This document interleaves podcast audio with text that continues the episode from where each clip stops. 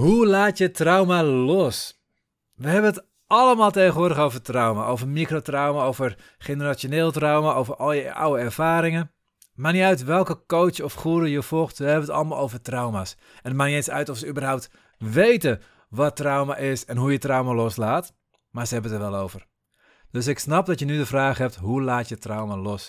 Hoe kun je echt veranderen? Je emotionele patronen loslaten, je trauma's erkennen en hoe kun je helen?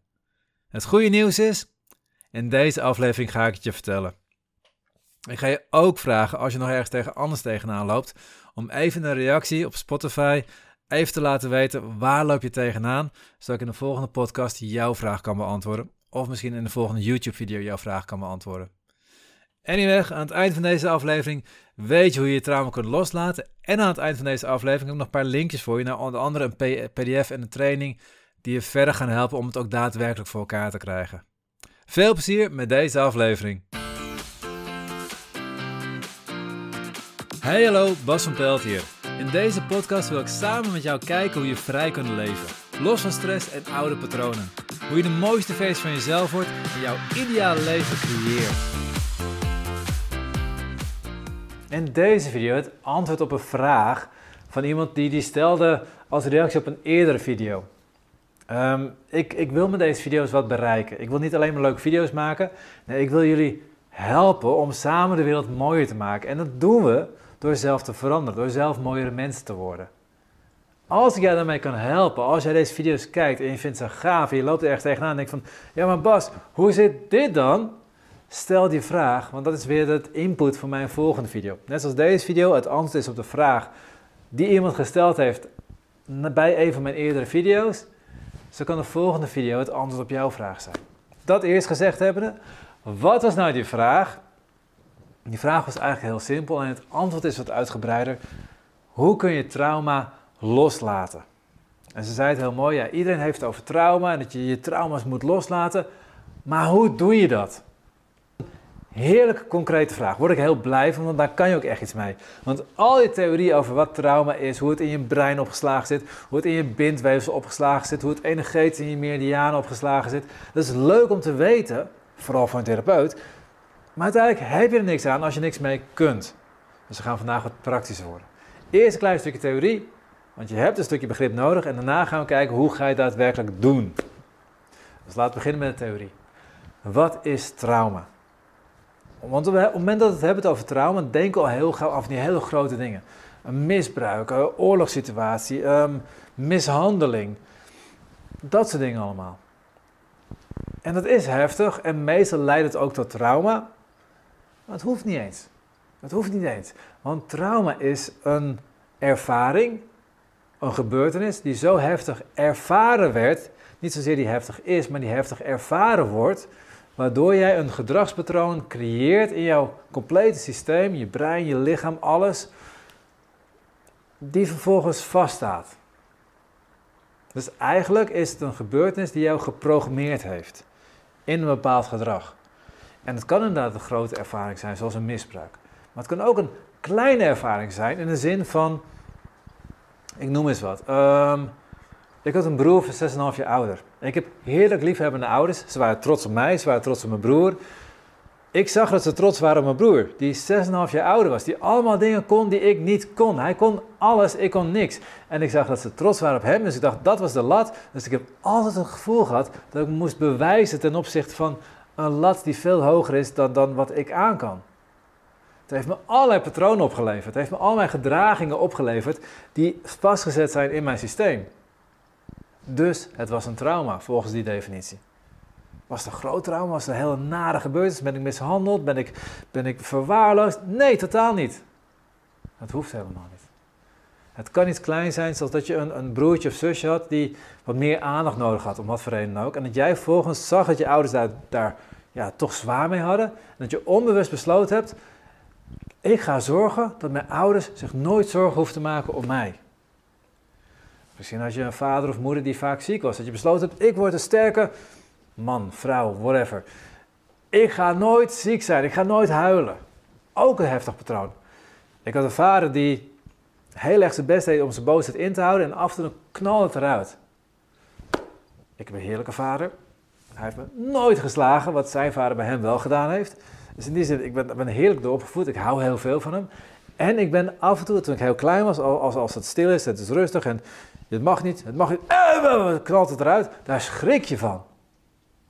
Dus het was een traumatische ervaring voor mij. Het was een kleine ervaring, een microtrauma in die zin vergeleken met een misbruik misschien. Maar voor mij was het een traumatische ervaring. En ik heb daar gedrag van opgebouwd, waardoor ik onbewust besloten heb, ik mag niet boos zijn. Het zijn maar even een paar voorbeelden van trauma's. Dus wat is een trauma? Een trauma is een heftige gebeurtenis, of beter gezegd, een gebeurtenis die heftig voelt. En vervolgens gedraag je op een bepaalde manier. En dat is wat vervolgens vast zit in je systeem. Die worden allemaal opgeslagen in het emotioneel deel van je brein. Dat is even belangrijk om te weten. Het limbisch systeem. Je hebt eigenlijk drie breinen. Je hebt uh, de hersenstam, zit meer onderin in je brein. Dat is de mate van activatie die je hebt. Dus hoe ver je aanstaat. Als je helemaal uitstaat, ben je diep in slaap. Sta je wat meer aan, dan ben je ondiep in slaap. Sta je nog wat meer aan, dan ben je wakker. Sta je nog wat meer aan, dan sta je, ben je druk bezig. Sta je nog meer aan, dan sta je stijf van de stress.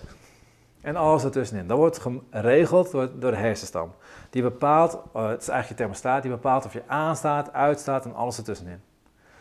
Je limbisch systeem, dat is het emotionele deel van je brein, dat is meer de achterkant van je brein, even simpel gezegd. Daar voel je alles mee. Daar zitten je emoties. Dan heb je prefrontale cortex, dat is meer de voorkant van je brein, daar denk je mee. Het zit wat ingewikkelder in elkaar dan dit, maar dit is een makkelijke manier om hem uit te leggen. Al jouw ervaringen die jij meemaakt, die een bepaald patroon creëren, sla je op, vooral de traumatische ervaring, sla je op in je limbisch systeem. Amygdala hoort er ook nog bij. Houd even op limbisch systeem, voor, voor de gemakkelijke uitleg. Het emotionele deel van je brein, dat is waar je ze opslaat. Het zijn gewoon eerdere ervaringen.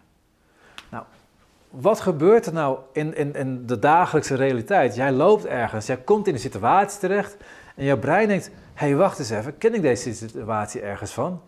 En die gaat kijken of je een situatie kan vinden die je eerder meegemaakt hebt. Waar jouw brein zich in kan herkennen. Die, die lijkt op de situatie van nu. En zodra je brein een oude situatie herkent, pakt hij meteen het programma van die situatie en plakt hij die over de huidige situatie heen. Ik ga straks een voorbeeld geven. Maar je komt dus in een situatie, je brein denkt, oh, ik herken deze situatie. Dat is die ervaring van toen ik zo oud was en toen zat mijn hersenstam in deze activatie. Thermostaat gaat meteen op een bepaalde spanning. Ik had toen deze emotie. Je gaat meteen die emotie voelen. En ik dacht toen op deze manier. En je gaat ook meteen weer op die manier denken. Je gaat zelfs op die manier gedragen. Hoe je je fysiek voelt qua spanning. Hoe je je emotioneel voelt. Hoe je denkt overkomt je. Het wordt gewoon opgelegd vanuit het programma wat afgedraaid wordt. Dit is interessant. Want 95% van de tijd reageer je vanuit automatische patronen is een mooi onderzoek van Daniel Kahneman. Als je daar meer over wil uh, leren, lees een boek Thinking Fast, Thinking Slow. Ik zal even een linkje in de, ja, ik zal even een linkje in de beschrijving zetten bij, bij, bij, bij dit verhaal. Um, die geeft heel duidelijk aan hoe dat werkt, hoe het systeem in elkaar zit. Een snel systeem heb je in je brein en een langzaam systeem. 95% van de tijd reageer je vanuit dat snelle systeem. Dat is gewoon eigenlijk, het systeem herkent een situatie en vervolgens, bam, reageer je weer vanuit die oude situatie. Ik heb ooit met een goede vriendin een gesprek gehad over boeddhisme. En ik zei van ja, als je verlicht wil worden, moet je bepaalde stappen nemen. En op het moment dat ik dat zei, werd ze boos, heel boos. Ik moet helemaal niks. En boeddhisme gaat helemaal niet over moeten. Het gaat over vrijheid. En, en ze is boos weggelopen. Het interessante daarvan is, haar brein herkende de situatie, dacht hij tenminste, en dacht van, oh wacht eens even, ik herken dit. Dus een eerdere ervaring die ik als kind meegemaakt heb, toen ik opgevoed ben in een streng katholieke omgeving. En ik moet dit en ik moet dat en ik moet. En ik ben er zo zat van. Dus die ging precies weer als toen gedragen. Dus die kwam weer in die activatie van toen. Dus die hersenstam, die thermostaat ging aan, hoge spanning. Die emotie kwam weer in die boosheid terecht. En, haar manier van denken en gedrag. En ik moet helemaal niks. En, het was alsof je een klein kind tegenover je had. Maar dat is wat we allemaal elke dag doen. Dat is wat trauma creëert bij je. Dat je in een oud patroon terechtkomt waar je vanuit blijft vastzitten. En dat kan zoiets zijn. Het kan ook veel heftige dingen zijn waar je veel heftiger in zit. Dat je in agressieve reacties zit. Dat je in zelfsaboterende dingen zit. Dat je op een gegeven moment zelfs in zelfverminking of in suicidale gedachten terecht gaat komen. Of dat je juist heel agressief gaat worden en andere mensen gaat slaan of andere mensen gaat verwaarlozen of wat dan ook. En het kunnen gewoon heel kleine dingen zijn. Nou klein. In de zin van dat je als pleaser gaat gedragen, als slachtoffer gaat gedragen. Dat je jezelf vastzet in een schuldgevoel of in een schaamte. Of dat je continu de held gaat proberen te zijn voor iedereen. Welk patroon het ook is. Het is een oud trauma, een oude ervaring van waaruit jij reageert. Oké, komen we nu bij het wat meer praktische gedeelte. Hoe ga ik dit trauma loslaten? Nou, dan moet je dus naar het oude emotioneel stuk. Want op het moment dat je in een ervaring komt die je brein denkt te herkennen, dan zeg je brein, oh wacht, ik herken dat, is deze ervaring. Toen de tijd had ik deze activatie, had ik deze emotie en deze manier van denken, dat is hoe ik reageer. Daar kan je weinig aan doen. Op het moment dat je automatisch reageert, reageer je automatisch. Dat is de naam, automatisch. Daar, daar doe je niks aan. Zolang je in je patroon zit, ga je er zelf niet uitkomen. Dus je moet je zorgen dat je andere patronen krijgt, dat je die programma's verandert. Dat is waar het om gaat. Als je helemaal in een patroon zit, zijn er ook wel dingen die je kunt doen. En helemaal als coach of therapeut kun je iemand echt uit het patroon krijgen. Of juist door zijn patroon heen duwen, waardoor je hem ook eruit krijgt. Gaat veel te ver voor deze video. Zijn manieren voor, zijn andere video's voor. Als je daar meer over wil weten, laat me even weten in een reactie. Dan ga ik de volgende keer daar wat dieper op in. Maar voor nu, weet dat je niet zozeer je op dat moment wil veranderen, want je reageert automatisch. Dus ja, je zit in automatisch iets, dat kan je niet veranderen. Tot op zekere hoogte. Um, dus je wil je programma's veranderen. Je wil zorgen dat je andere programma's hebt. Dus wat je moet gaan doen, net zoals de computer, je moet terug naar die eerdere ervaring en die overschrijven. EMDR is daar een techniek van. Het nadeel van EMDR is, is waar eigenlijk wordt de vraag aan jou gesteld: oké, welke ervaring zou je willen loslaten? Maar dan moet je maar precies weten welke ervaring de bron is van jouw patroon. Vaak weet je het helemaal niet. Vaak denk je wel dat ergens iets, een patroon zit, of een, een, een bron van, of een trauma zit, maar is dat het helemaal niet. Ik heb meerdere mensen met seksueel misbruik meegemaakt dat we echt aan de slag gingen om trauma eruit te krijgen. Dat we uiteindelijk bij het oorspronkelijke trauma kwamen. En dat was helemaal niet het seksueel misbruik, want dat had ze op zich wel verwerkt. Maar er zat iets heel anders wat er veel meer in de weg zat. Dus EMDR is een hele gave techniek, alleen die pakt soms niet het, het juiste trauma, omdat je niet weet wat het juiste trauma is. En waarom weet je het niet? Omdat het niet in je denkgedeelte van je brein opgeslagen zit, maar in je emotionele deel van je brein opgeslagen zit. Het zit in je limbisch systeem. Dus als ik nadenk, kom ik er niet bij, maar als ik voel, kom ik erbij. En daar verklap ik meteen wat de eerste stap is om die trauma's los te gaan laten. De eerste stap is ga voelen. Heel makkelijk, ga voelen. Ik, zal, ik, zal, ik ga meerdere linkjes in de beschrijving bij deze uh, video zetten. Ik zal ook even een linkje plaatsen naar een mooie meditatie die helpt om meer contact te komen met je lichaam.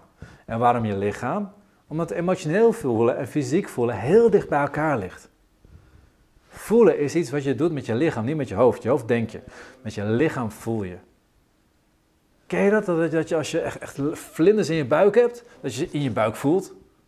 Dat als je ontzettende angst hebt, dat het echt, echt kan, ja, in je rug kan zitten, in je buik kan gaan zitten. Dat, dat als je heftig verdriet hebt, dat je borst kan gaan voelen of dat je keel dicht kan gaan knijpen.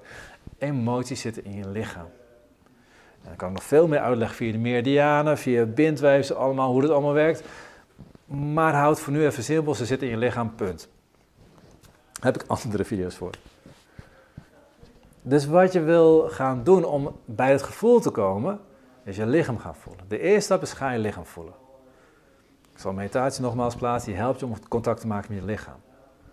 Als je in staat bent om je lichaam te voelen, dan wil je meer naar het emotionele stuk toe gaan. Dan wil je kijken, oké, ik voel nu mijn lichaam, welke emoties voel ik? Dan ga je zelf gewoon die vraag stellen. Wat voel ik nu? Ik voel nu, ik voel mijn onderrug een beetje stijf zijn. Oké, wat voel ik nog meer? Ik voel mijn onderrug een beetje vermoeid. Wat voel ik nog meer? Voel ik een beetje mijn best aan het doen Wat voel ik nog meer? Ik voel toch een beetje verdriet ergens voel ik. Wat voel ik nog meer? is ook een beetje angst, als angst dat ik niet goed genoeg ben. Wat voel ik nog meer? En zo kan ik op een gegeven moment bij steeds diepere emoties komen. Het klinkt een beetje vaag misschien als ik het zo leg, maar dit is wat te doen met elke cliënt die ik zie. Wat ik in mijn online trainingen doe. Wat ik continu bij mezelf doe. Wat ik in mijn seminars doe, is, steeds weer dieper gaan op die emoties. Je lichaam voelen, vervolgens kijken welke emoties zit daar. Wat zit er nog meer? Wat zit er nog meer? Wat zit er nog meer? Net zolang dat je bij die kern komt, dat je niet meer verder komt. Dus dan voel je echt wat je voelt. En dan is het interessant, want dan Door dit te doen, ik ga even een klein stukje theorie dus doorvertellen. Door dit te doen, door steeds te vragen wat voel ik, wat voel ik, wat voel ik, wordt het emotionele deel van je brein meer actief. Er gaat letterlijk meer bloed naar de achterkant van je brein en minder bloed naar de voorkant van je brein. Dus je gaat minder denken, meer voelen. Op dat moment dat je echt bij die diepste emotie komt, mag ik ook even uitleggen. Um, soms stapelen we emoties op elkaar. We gebruiken één emotie die we oké vinden om een andere emotie die we niet oké vinden niet te voelen. Dus ik heb ooit mezelf wijsgemaakt dat het niet toegestaan is om boosheid te voelen. Dus wat deed ik? Ik ging steeds verdriet voelen. Dus als ik ruzie had, ging ik huilen. Als ik gevochten had uh, met iemand, dan ging ik vervolgens huilen. Want boosheid mag ik niet voelen, verdriet mag ik wel voelen. Dus je hebt verschillende lagen in je emoties. Dus als je gaat voelen, ga je voelen. Eerst voel ik dat verdriet. Kom ik nog een stukje lager, voel ik die boosheid. Ga ik nog een stukje dieper voelen, kan ik misschien bij een laag voelen waar meer, weet ik veel wat, waar meer machteloosheid zit. Misschien zit daar zelfs een laagje angst onder. En op een gegeven moment kom ik echt bij de diepste laag. Door steeds te voelen wordt het achterste deel van je brein dus steeds beter, de bloed steeds actiever. En op een gegeven moment ga je jezelf de vraag stellen, hey, wat nou, wanneer dit gevoel, wat ik nu voel, wanneer heb ik dat eerder gehad? Wanneer heb ik dat eerder ervaren? Dus de eerste stap is dus fysiek voelen, de tweede stap is emoties voelen, de derde stap is de lage emoties voelen, de vierde stap is wanneer heb je de eerste keer dat ik dit gevoeld heb? En het grappige is, omdat jij in je emotionele brein zit, en niet in je denkbrein, maar in je emotionele brein, zodra je die vraag stelt, komt er een herinnering op. De eerste keer dat je doet, meestal niet. Je hebt meer tijd en meer oefening nodig om daar te komen. Op een gegeven moment gaat het komen, dan gaat die herinnering opkomen. Wat gebeurt er fysiek in je brein? Op het moment dat je bij het trauma komt, bij die eerste herinnering, jezelf die vraag stelt, ga je amethylcholine aanmaken. Ik weet niet zeker of ik hem nu goed uitspreek. Amethylcholine, dat is het stofje wat je aanmaakt tijdens traumatische ervaring. Wat er ook voor zorgt dat de traumatische ervaring opgeslagen wordt. Wat er ook voor zorgt dat je nieuwe verbindingen gaat aanmaken. Dat je meer nieuwe verbindingen gaat aanmaken in je brein. Onder invloed van dat stofje komt die eerste herinnering ja, omhoog, komt, komt, weer los als het ware. En dat is het moment dat je nog een keer gaat ervaren. Want, want je vraagt, wat voel ik? Wat voel ik nog meer? Wat voel ik nog meer? Wanneer is de eerste keer dat ik het gevoeld heb? Op een gegeven moment komt die herinnering omhoog. En dan ga je hem ervaren. Maar dan ga je hem nog een keer ervaren, alleen met een andere lading. Je gaat die emotionele lading op die herinnering ga je veranderen. En hoe doe je dat? Door, ja, dat is eigenlijk een simpel hypnotherapie stukje. Door jezelf voor te stellen dat jij, de, de grote versie van jij, naast de kleine versie van jij zit. Dus ik, kom bij wijze van spreken, even een voorbeeldje. Ik kom bij een, een Bas van 7 jaar uh, uit, die op de kermis is, in het funhouse. Dit is letterlijk gebeurd. Een bepaalde uh, trap die, die steeds zo, heen en weer bewoog, durf niet op te gaan. En toen riep ik pap, pap, ik durf niet, je moet me helpen. En ze zei, nee, je moet het gewoon zelf doen. Nee, je, je, je, kan het. Want ik was helemaal bovenaan die trap gekomen. Vervolgens vond ik het eng, ben ik weer helemaal naar beneden gegaan. Echt bizar hoe een kinderbrein werkt. Maar ik durfde niet. Dus ik ben wel helemaal naar beneden gegaan weer. En weer eraf gaan. Ondanks dat ik bijna bovenaan. Ik was er bijna. Maar ik durfde deze niet meer. Ik ben helemaal naar beneden gegaan en weer teruggegaan. En ik roep, pap, ik durf het niet, ik durf het niet. En mijn vader zei, nee, je moet het zelf doen. En die was heel ja, hard, zou je kunnen zeggen, erin. Tegelijkertijd was dat zijn manier van steunen. Je, je, je kan het gewoon, je kunt het. Kom op, doe het, je kan het hij heeft daar ook een stukje in meegekregen dat hij niet zacht mocht zijn voor zichzelf. Dus hij was ook minder zacht voor mij. Die herken ik ook naar mijn kinderen toe. Ik ben het ook aan het oefenen zachter te zijn. En dat bereik ik door zacht te zijn voor mezelf trouwens. Maar die ervaring, die kwam ineens omhoog. En wat doe ik dan? Dan ga ik naast die zevenjarige Bas staan en ik hou zijn hand vast. Of ik geef hem een knuffel. Ik zeg hey, kom eens hier. En dan laat ik hem voelen wat hij mag voelen. En zeg tegen hem, het is oké wat je voelt. Je mag dit voelen. Je hoeft het niet te kunnen. En dan gaan we samen die herinnering door. En dan neem ik hem bij de hand mee. Of ik neem hem op, op in mijn armen of ik neem hem op mijn rug. Maar we leven hem samen. En in de hele herinnering steun ik hem. Geef ik hem liefde. Geef ik hem vertrouwen. Geef ik hem steun. Geef ik hem kracht. Wat hij ook nodig heeft, dat geef ik hem. En wat je aan het doen bent, omdat die amethylcholine vrij is gekomen, ben je letterlijk die herinnering aan het overschrijven.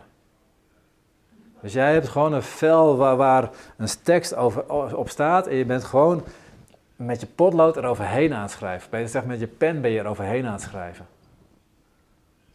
Je bent hem letterlijk aan het overschrijven. Hij verandert, de lading ervan verandert.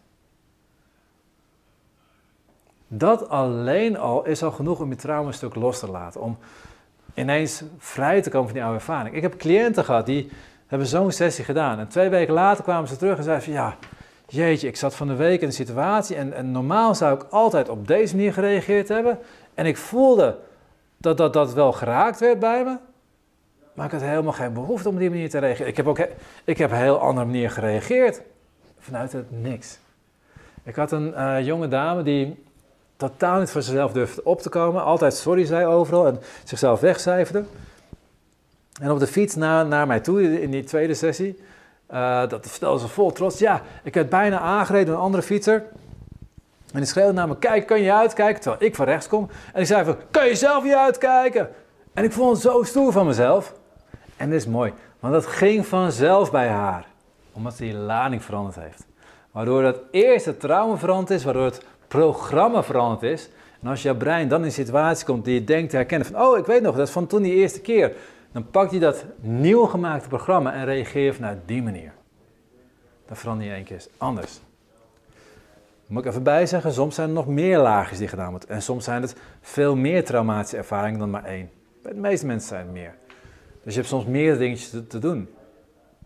Soms is het als je in die oude ervaring zit en je staat er ja, met een kleine jij in je armen, je bent wel een knuffel en soms zijn er dingen die nog uitgesproken moeten worden. Ik had daar een stukje dat ik nog uit mag spreken bij mijn vader. Dus ik mocht mijn vader in gedachten erbij nemen. En ik mocht alles wat ik nog uit mocht spreken, mocht ik aan hem uitspreken. En hij mocht het aanhoren. En hij mocht vanuit zijn pure hart, niet vanuit hoe ik hem ken, maar alleen vanuit uit zijn pure hart mocht je me antwoord geven. En dan mocht een gesprek opkomen. Dan mocht ik eigenlijk alles eruit gooien wat ik eruit moest gooien. Soms is het dat ik iemand nog mag vergeven. Soms is het dat ik mezelf nog mag vergeven. En als ik dat allemaal gedaan heb, als ik aan het eind van die ervaring dan kijk van, hey, kan ik van mezelf houden? Kan ik mezelf vergeven? Klinkt misschien vaag. Kan je jezelf vergeven? Nou, waarom zeg ik dat? Omdat we heel vaak geneigd zijn onszelf de schuld ervan te geven. Ik had beter dit moeten doen. Ik had beter dat moeten doen. Ik, ja, maar ik had, ik had... Op het moment dat je dat zegt, zeg je eigenlijk, je bent niet goed genoeg. Ik ben niet goed genoeg. Dan blijf ik mezelf vasthouden. Dus ik mag mezelf vergeven. Ik mag weer van mezelf gaan houden. En vanaf dat moment verandert het echt hier heel stuk. Krijg je een compleet andere programmering op die ervaring, waardoor je een compleet andere reactie krijgt als je weer in die ervaring gaat komen. Klinkt makkelijk? Is het ook. En tegelijkertijd is het extreem moeilijk. Het antwoord op elk trauma is leer van jezelf houden. Alleen waarom is dat zo bizar moeilijk? Omdat er zoveel gedachten en ideeën en, en, emoties en patronen overheen zitten. Redenen als het ware, waarom we niet van onszelf mogen houden. Dus ik kan wel in de, voor de spiegel gaan staan en zeggen tegen mezelf: Ja, pas, ik hou van je. Je bent goed. Ja, ik, ik hou van je. Maar je gelooft het niet, dus het komt niet binnen.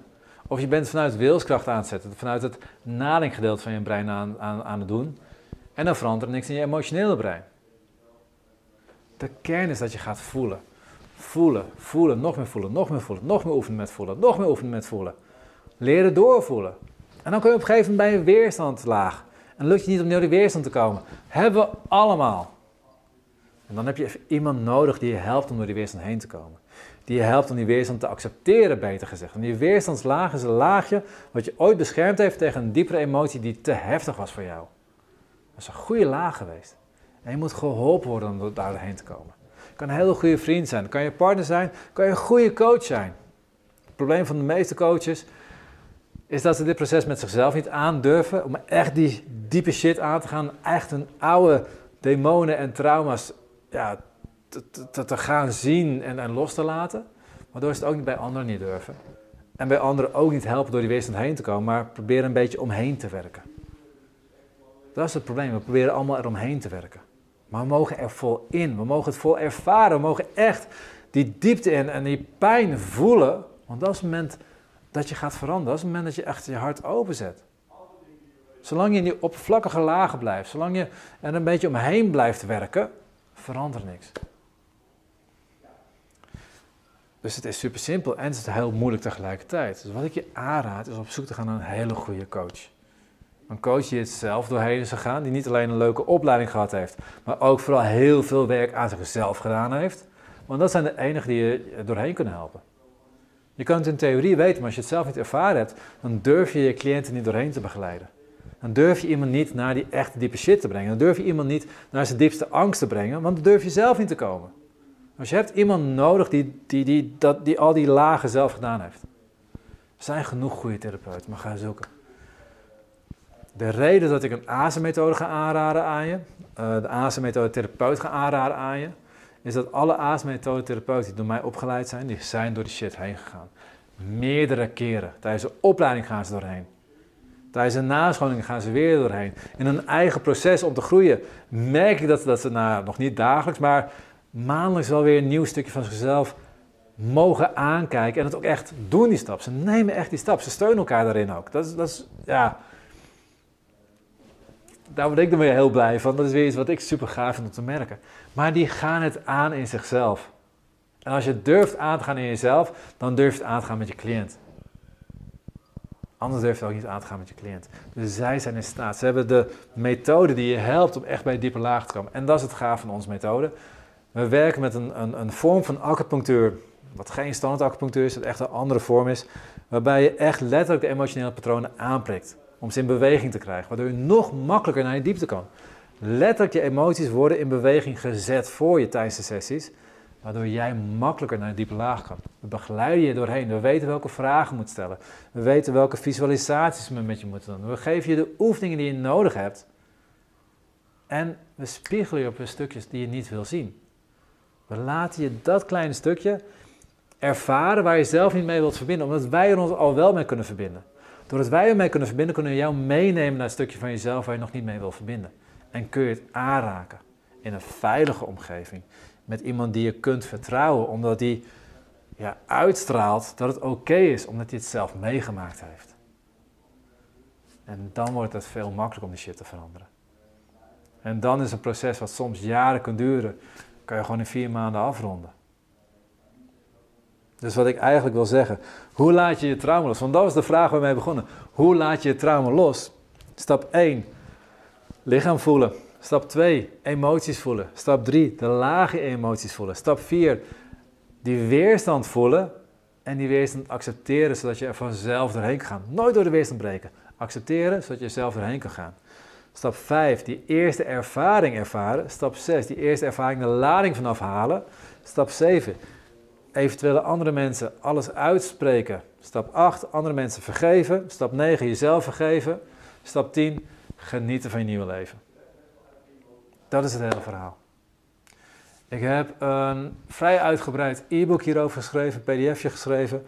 Ik zal even een linkje uh, daar naartoe zetten, ook in de beschrijving. Je krijgt een linkje naar uh, Daniel Kahneman's boek. Je krijgt een linkje naar de eerste meditatie waar je mee mag beginnen om meer te gaan voelen. Ik zal ook even een linkje zetten naar meditatie. Je helpt om je emoties wat ruimte te geven. En een linkje naar het pdf waar ik het complete verhaal heb hoe je daadwerkelijk alles loslaat. Uh, wat nog veel uitgebreider is dan ik het nu vertel. Ik probeer het alleen bij de kern te houden. En dat is al, uh, zo te zien, alweer aardig wat minuten die ik aan het vertellen ben.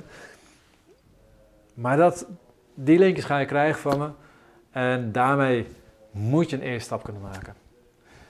Ben je niet aan toe om aan een therapeut mee te starten? Download dan de online training Start met Vrij Leven. Ik zal daar ook een linkje naar zetten ja, dat is de basistraining die we iedereen geven die nog niet naar, met ons één op één wil werken, maar die er zelf aan de slag wil. De oefeningen zitten erin, de stappen zitten erin, de meditatie die je nodig hebt zitten erin. Hij is super waardevol. Dit was de podcast van deze week. Ik ben heel benieuwd wat je van deze podcast vond. Geef je app even een duimpje omhoog of een review. In Spotify kun je dit doen door naar de podcast zelf te gaan en daar op het aantal sterren te klikken onder de beschrijving van de podcast. Kun je jouw app geen review geven? Geef ons dan even een review op Google door te klikken op de link in de beschrijving van deze aflevering. Je helpt ons op deze manier enorm om meer mensen te bereiken, zodat ook zij vrij kunnen leven.